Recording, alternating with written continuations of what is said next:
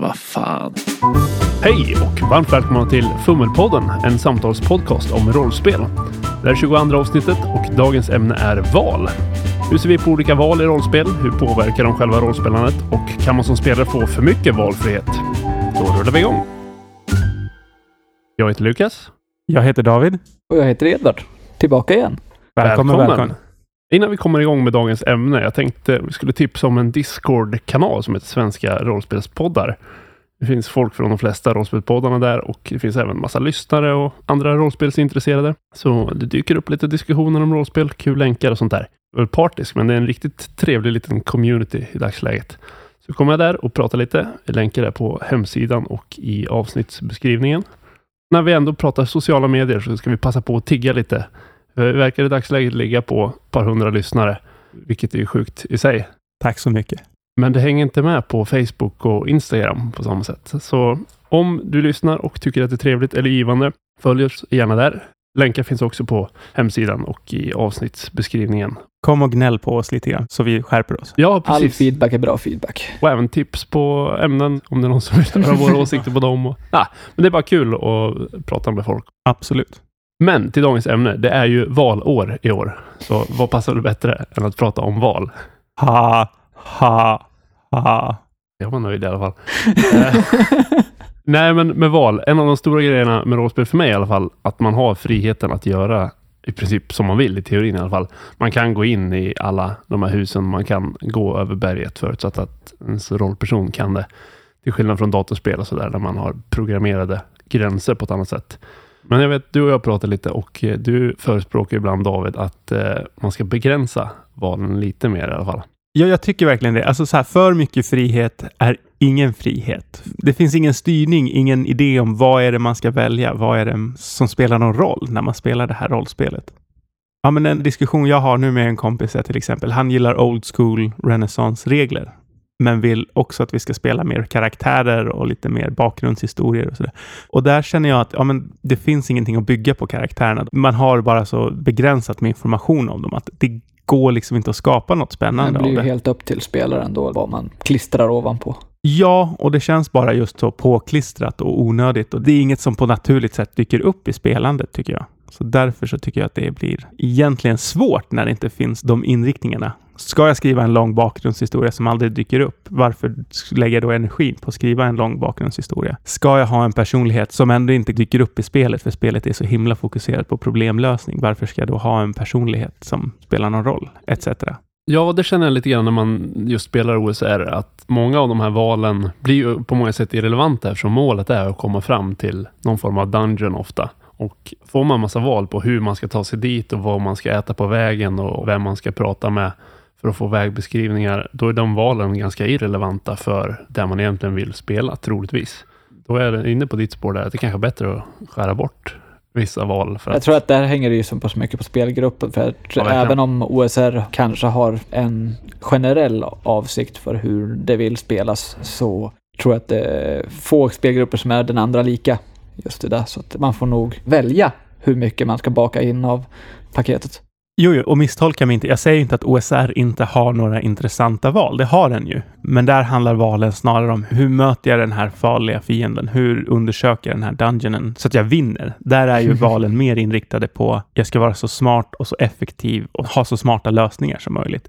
Personlighet spelar ingen roll. Ja, spelet i sig själv lägger en högre vikt på det. Absolut. Och alltså min grundinställning till val är väl att man ska kunna göra informerade val som betyder någonting. Att göra ett val, ska jag gå till höger eller vänster? Men det är inte någon skillnad mellan att gå till höger eller vänster. Om det leder fram till samma slutmål så spelar det egentligen ingen roll.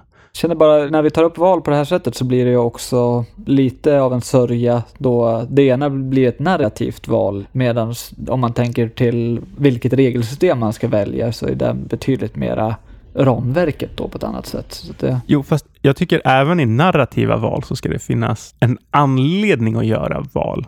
Och det jag tolkar lite som du är inne på David är att regelsystemen främjar vissa typer av val eller liksom premierar absolut. vissa valkategorier. Så att, att välja system är ju givetvis öppet, men beroende på vilket system man väljer tänker jag att Man lägger fokus på olika typer av val. ja, precis. För samma sak, om man spelar något mer indie-flummigt så spelar det ingen roll om man går omkring och petar på varje golvplatta med en pinne.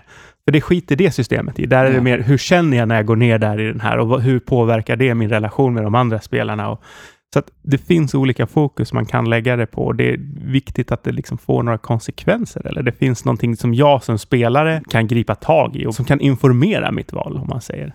Ja, precis. Och får man för fria val, om vi säger att vi har ett system där alla typer av val väger lika mycket och man ska kunna spela allting och världen är helt öppen, gör precis vad ni vill. Då är jag också inne på att man har för mycket val, så det blir inget fokus på någonting. Det är svårt att veta var man ska börja. Det är svårt att få någon form av överenskommelse inom gruppen vad man ska göra också eftersom man öppnar upp för så många olika typer av val. Någon vill karaktärsspela, någon vill peta på golfplattor och vinna. Så att det kan vara skönt att begränsa valen så att man får en tydlig riktning med gruppen eller med rollspelandet. Men därmed inte sagt att man begränsar valet. När en spelare säger att de vill gå vänster säger man nej, du får inte för att höger är rätt val. Ja, Så det är inte det jag pratar om, utan mer att ja, man kanske inte spelar ut hela den där sekvensen på väg till grottan om det är till grottan man ska. För att det inte är intressant om ni väljer att äta äpplet eller päronet när ni slår läger sjunde dagen. Nej. inte det blir ju någon form av att välja ett stiliserat regelverk eller ett stiliserat spelsätt där man lägger fokus på en bit av kakan. Och jag tror att det kan vara väldigt givande om man just nu vill vi utforska den här den här dagen. Eller det här halvåret eller hur nu länge man spelar inom en viss låda. Nu, nu vill jag bara så här lägga med och säga, jag tycker alla spel är någon form av stilisering. Sen, Ja, det var det jag funderade på, liksom just om man ser till de lite mer breda och... Eh, Ja, tradspel. ja, Alltså, jag kan känna att gamla Drakar och Demoner är ganska brett. är Det liksom- försöker göra mycket, men det är fortfarande fokus på ner och banka monster och hitta skatter och rädda kungariken. Det har ju en väldigt så här... Det finns ju inga regler för att spela relationer eller intriger, utan det är ju ett banka. Ja, system. jo, i och för sig. Det sociala regelverken är i stort sett begränsat till ett grundvärde, eller två grundvärden i skärm och intelligens. Men Ja, men även hur de reglerna är utformade också. Det var en av mina problem när vi testade Dungeons and Dragons nu. Det var många som jag pratade med som sa att Nej, men det går att spela vad som helst med Dungeons and Dragons för att det är ett så pass brett system och det gör så många saker bra. Men när man tittar på reglerna så det finns kanske någon rad om hur man interagerar socialt. Och så finns det två sidor om hur man slåss under vatten. mm, Vilket jag tycker är en tydlig signal att ni ska slåss och ni ska inte prata. Ja, och jag tycker också att det finns den här begränsningen. Du kan göra det här i spelet, men det hjälper dig ingenting på vägen. Kontra det här spelet är menat för de här typerna av interaktionerna och hjälper er att ha regelverk för det. Och särskilt kommer man in på Dungeons and Dragons och OSR, då är det till och med så att du kan göra så här, men det kommer hindra dig från att spela spelet. Det är lite grann som, ja, du kan springa 100 meter genom att hoppa på ett ben, men du får bara nackdelar av det, förutom att du kanske tycker att det är roligt att hoppa på ett ben. Du får inga vinningar av att göra det, utan bara motgångar. Eh, Det jag funderade på är hur ofta man spelar. Att välja ett nytt regelsystem att sätta sig in i varannan, var tredje månad för att man vill utforska något nytt kan ligga bortom ambitionsnivån för eftermiddagsrollspelande. Jag, alltså, jag ser inget fel heller i att om man gillar Dungeons and Dragons eller Old School Renaissance eller Indieflum, att man spelar det man tycker om, men man också är medveten om att det är det här vi spelar. Vi är ute efter den här typen av upplevelser. Och sen kan du säkert husregla eller gruppspela på ett sätt som får det funka i alla fall. Jag tror att vi är en bit ifrån val. ja, det Vi- Vi, pratar om vilket spel ska man välja att spela. Ja, ja. Jag såg ju framför mig mera narrativa val. Just att separera regelverkets valmöjligheter från vilka val SL tillåter gentemot spelare och sånt där. Det är ju två separata diskussioner där också. Ja, fast jag tycker ändå att de hänger ihop väldigt mycket. Ska du ha ett spel där du gör narrativa val, då ska du ju ha ett indiespel. Mm. Och ska du ha ett spel där du ska göra strategiska val, då ska du spela Dungeons and Dragons. För att göra strategiska val i ett relationsindiespel kan säkert vara tillämpbart ibland, men inte i samma utsträckning, utan då gör du ju för storyn och dramat och utforska någonting.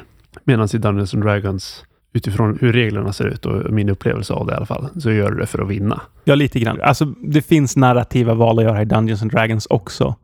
Men där är det mer, vem väljer jag att alliera mig mot? Kan jag prata med den här stora skurken och få honom till min sida och så vidare. Så det är inte helt Nej, men jag skulle fortfarande säga att systemet påverkar extremt mycket vilken typ av val Absolut. du tänkt att lägga fokus på i alla fall. Absolut. Jag tror att jag får en så jädra skev bild också av hur Drakar och Demoner spelas med tanke på att de jag tittar på är improvisationsskådespelare. Så det gör ju att de i stort sett vrider spelet till sin vilja i att få ett mera narrativt fokus i det. Men så gjorde vi också när vi spelade Drakar och Demoner, att Mm. vi styrde om det och det är väl det som, Blir onödigt om det finns någonting som lämpar sig bättre kanske. ja det blir man stretar emot systemet hela tiden. Ja, lite grann.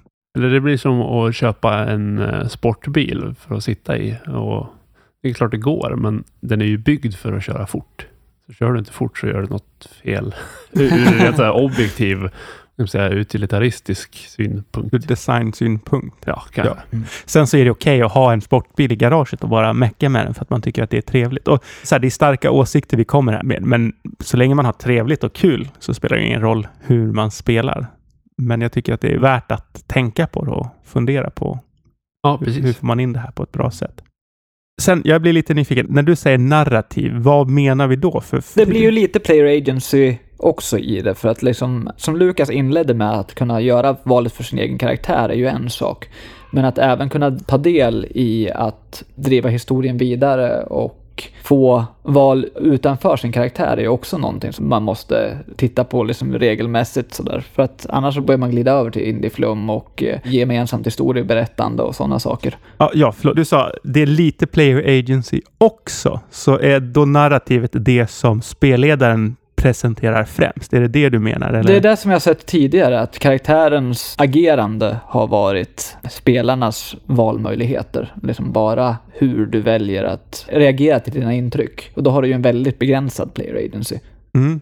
Det är lite Telltale-varianten att du kommer till samma slutmål hur den gör, men du får färga hur din rollperson ställer sig till Ja, val precis. Och och, sen har du nästa nivå där din karaktärs val och agerande får påverka historien som SL berättar. Ja, då går du ju bort från det mer rälsande Ja. Och sen i förlängningen så har du ju någon form av sandbox-spel där det enda som räknas är spelar och Valen. Och i, värst, och i det riktigt extrema fallen där det inte finns någon historia utöver vad spelarna berättar. Ja, och som sagt, valen där kan ju ha val inom precis alla system, men vilka effekter de valen får är ju väldigt olika. Ja, och det som dyker upp i mitt huvud också är det här. Ja, ni har som spelare val. Ni kan antingen göra det som jag som SL vill, eller så kan ni göra någonting annat. Men där finns det liksom ingenting att hitta. Där har jag inte förberett någonting. Där finns det inget att utforska. Då blir det tråkigt. Det tycker inte jag heller är bra val i rollspel, tycker jag. Jag brukar vanligtvis försöka dölja det när jag SLar, att man har kommit utanför den snitslade banan. Men det blir ju tyvärr ofta sitser där SLPs personligheter och sånt där helt plötsligt blir mera krystade och plötsliga. Men Ja. så där brukade jag nog SLa mycket att jag presenterade det som ett val, men det ena alternativet var så tydligt att det var det rimliga med tanke på vad man hade för information i dagsläget. Att det andra valet hade varit korkat såväl ur spelarsynpunkt som rollpersonsynpunkt. Och då valde man helt enkelt det andra. Men egentligen fanns det ju, som du säger David, inget val. Nej, då. nej det är illusionen av ett val. Och Ja, men även, nu ska man ju inte klanka ner på det, men där vart det ju nästan också när vi försökte om och om igen göra valet som var det icke självklara valet. Där vart det nästan att SL går in, bara så ni tänker på det här att det här är informationen ni har, tänk över ert val. Då har man liksom nästan till sagt att jag ger er det här valet men då slutar vi spela. Ja, alternativet i just det konkreta läget hade ju varit att alla rollpersoner dog.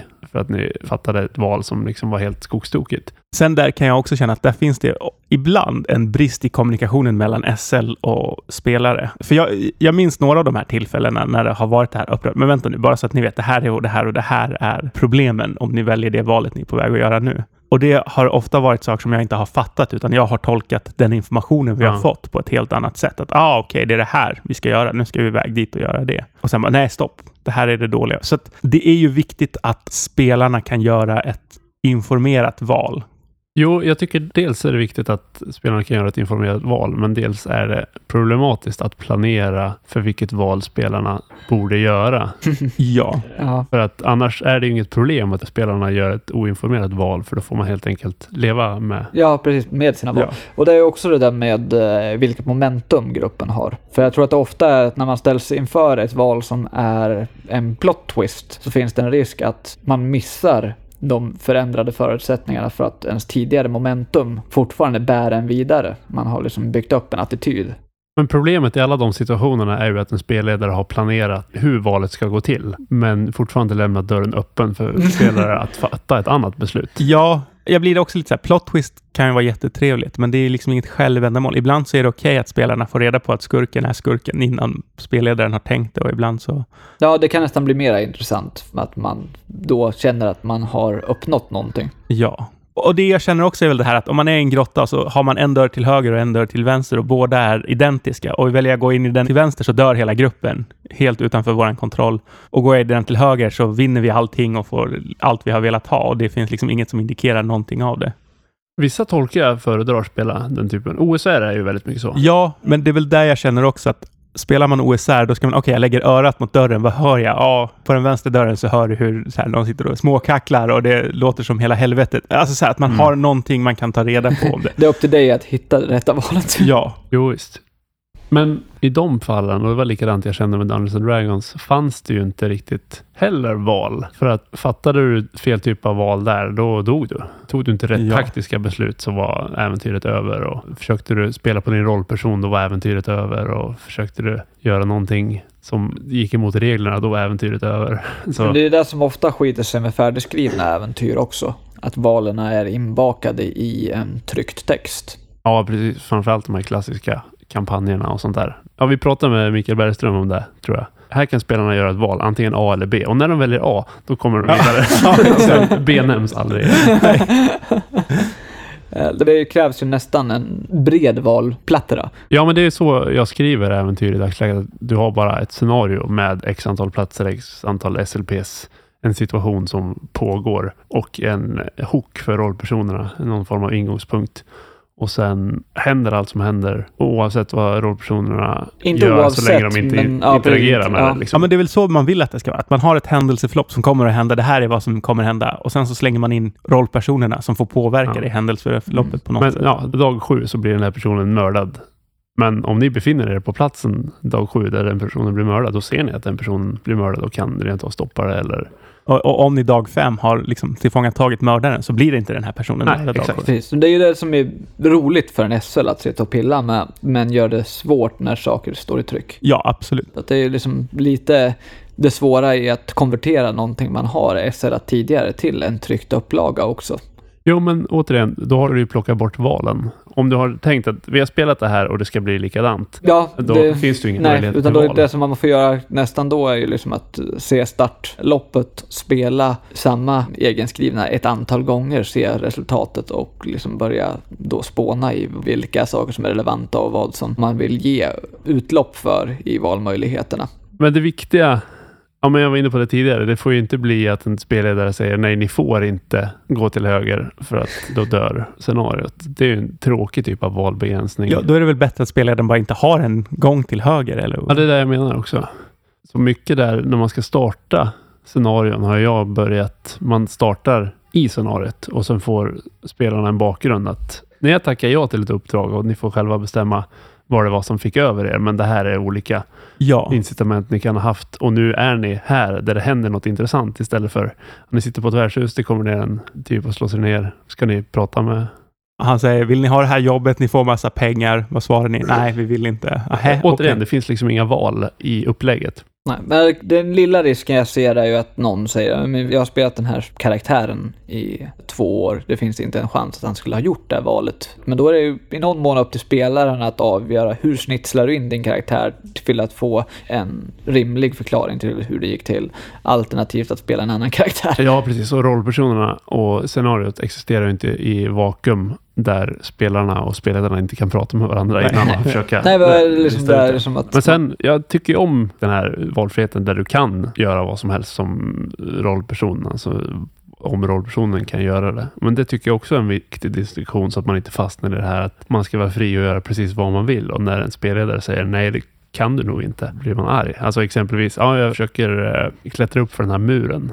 Ja, hur då? Ja, med fingrarna. Det kan du inte. Det är en slät, putsad mur.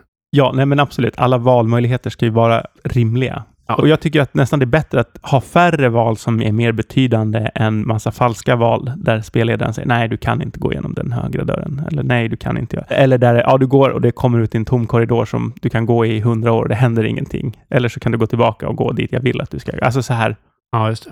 Mm. Men det intressanta med den är ju, där gav du spelaren en möjlighet att befoga sin handling. Jag klättrar upp för väggen. Det kan du inte, var inte den första frågan. Hur är den första Ja, frågan. ja, och det, man- det, det, det tycker jag är ganska bra metodik ändå, liksom, att låta spelaren befoga sin handling innan man förnekar den. Ja, ja, ja, är rimligt. Och säger den, ja men jag har ju min stege här som jag har gått och släpat på hela, hela äventyret. Jag ställer den mot väggen och klättrar. Ja men fine, då kan den klättra upp för muren. Det känner inte jag. Alltså, Eller virar ihop tre yxor till en enterhake eller... Ja. det var. Imponerande. Ja. Nej, men så att man skiljer på valfrihet i handling ska ju som sagt vara rimlig och logiskt fortfarande. Det är där man har reglerna till, tänker jag. ja. Men i reglerna, apropå val, regelsystem som begränsar rollpersons utvecklingsval tycker jag är extremt knepiga. Just i rimligheten att David, du valde en krigare, alltså kan du aldrig lära dig smyga.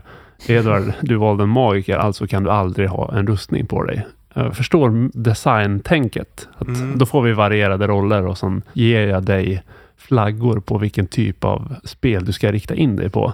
Så här, jag håller med och jag håller inte med. Det beror återigen på vad man spelar. Spelar man Dungeons and Dragons så är en del av nöjet att faktiskt sitta och designa den ultimata karaktären och minmaxa den och hitta de bästa kombinationerna av feats och förmågor som Fast jag möjligt. tycker att Dungeons and Dragons var ett ganska bra exempel där du inte hamnar i den fällan. Då multiclassing finns inbakat i paketet. Så att din krigare kommer aldrig att lära sig smyga förutsatt att han fortsätter bara vara en krigare.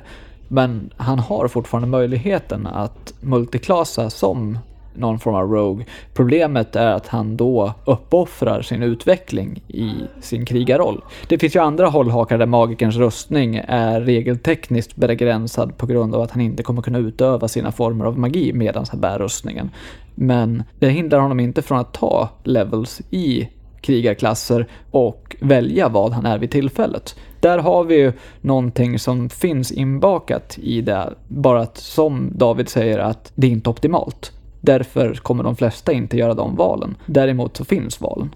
Fast i Dungeons and Dragons så finns det ju helt klart val som är dåliga och fel. Ja, jo, absolut.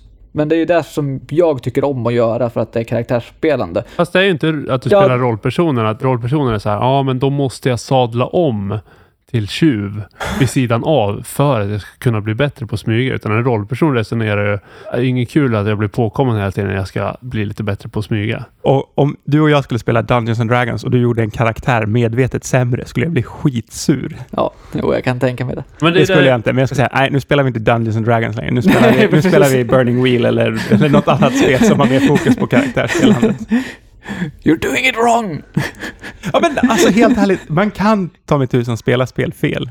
Nu låter jag så här elitistisk. Nej, men man absolut. kan det det. utan tvekan. Men jag, man kan spela spel fel. Om jag, så här jag spel, skulle fortfarande inte säga att det är... så här, om jag sitter och spelar risk och börjar så här, ge namn till varenda liten av min soldat och så här, blir helt ledsen över när de dör av- mina tärningsslag, då spelar jag risk fel, för då är jag inte den här världserövrande Återigen, det är den där jädra improvisationsteatergruppen där en spelare gör precis det du säger med risk och en av dem blir så jävla irriterad på den andra så att han utplånar den spelaren bara för att bli av med Men- det momentet. Då är vi inne på helt olika spelarmål återigen. Sätter man sig och spelar Dungeons and Dragons, alla flaggor i spelet säger nu ska vi optimera och vinna.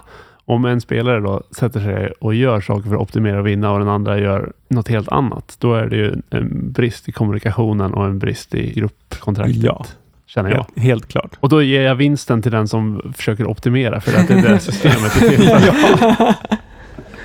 Ett annat exempel, de här klassiska drakar och demoner, då kunde du lära dig nya färdigheter, men de kostade tio gånger så mycket att lära sig. Just det. De hamnade som någon allmän färdighet, det var inte din yrkesfärdighet. Mm, Just det, just det. Ja. Då kommer vi tillbaka till det här, det är val, men egentligen är det inte val för att det är så korkat att du Ja. skulle aldrig fatta det beslutet. Exakt. Och då är vi återigen inne i det här, på sätt och vis ologisk valbegränsning. Ja, okej, vill du gå in i höger eller vänster dörr? Ja, jag vill gå in i vänster. Ja, fast du borde gå in i höger. Ja, jag vill ändå gå in i vänster. Ja, du kommer in i ett tomt oändligt rum. Du kan gå runt där hur mycket du vill, men Det finns inget det där. finns inget där, så du Nej. kan lika gärna gå tillbaks. Du pratade om det i brädspels kontra rollspelsavsnittet i vintras, David. En av grejerna med rollspel är att suboptimala val kan vara optimala val i rollspel. Eller liksom det finns Ja. utrymme för dem. Det är då det är roligast. När man inte tar den smartaste lösningen eller den klokaste lösningen, utan ibland gör man korkade saker för att det är vad ens rollperson skulle göra.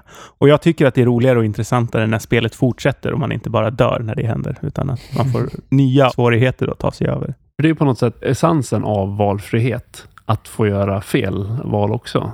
Ja, det tycker jag med. Men syftet med rollspel är ju att bli underhålld på ett eller annat sätt. Och blir man inte underhålld när man fattar suboptimala val, då har man inte valfrihet.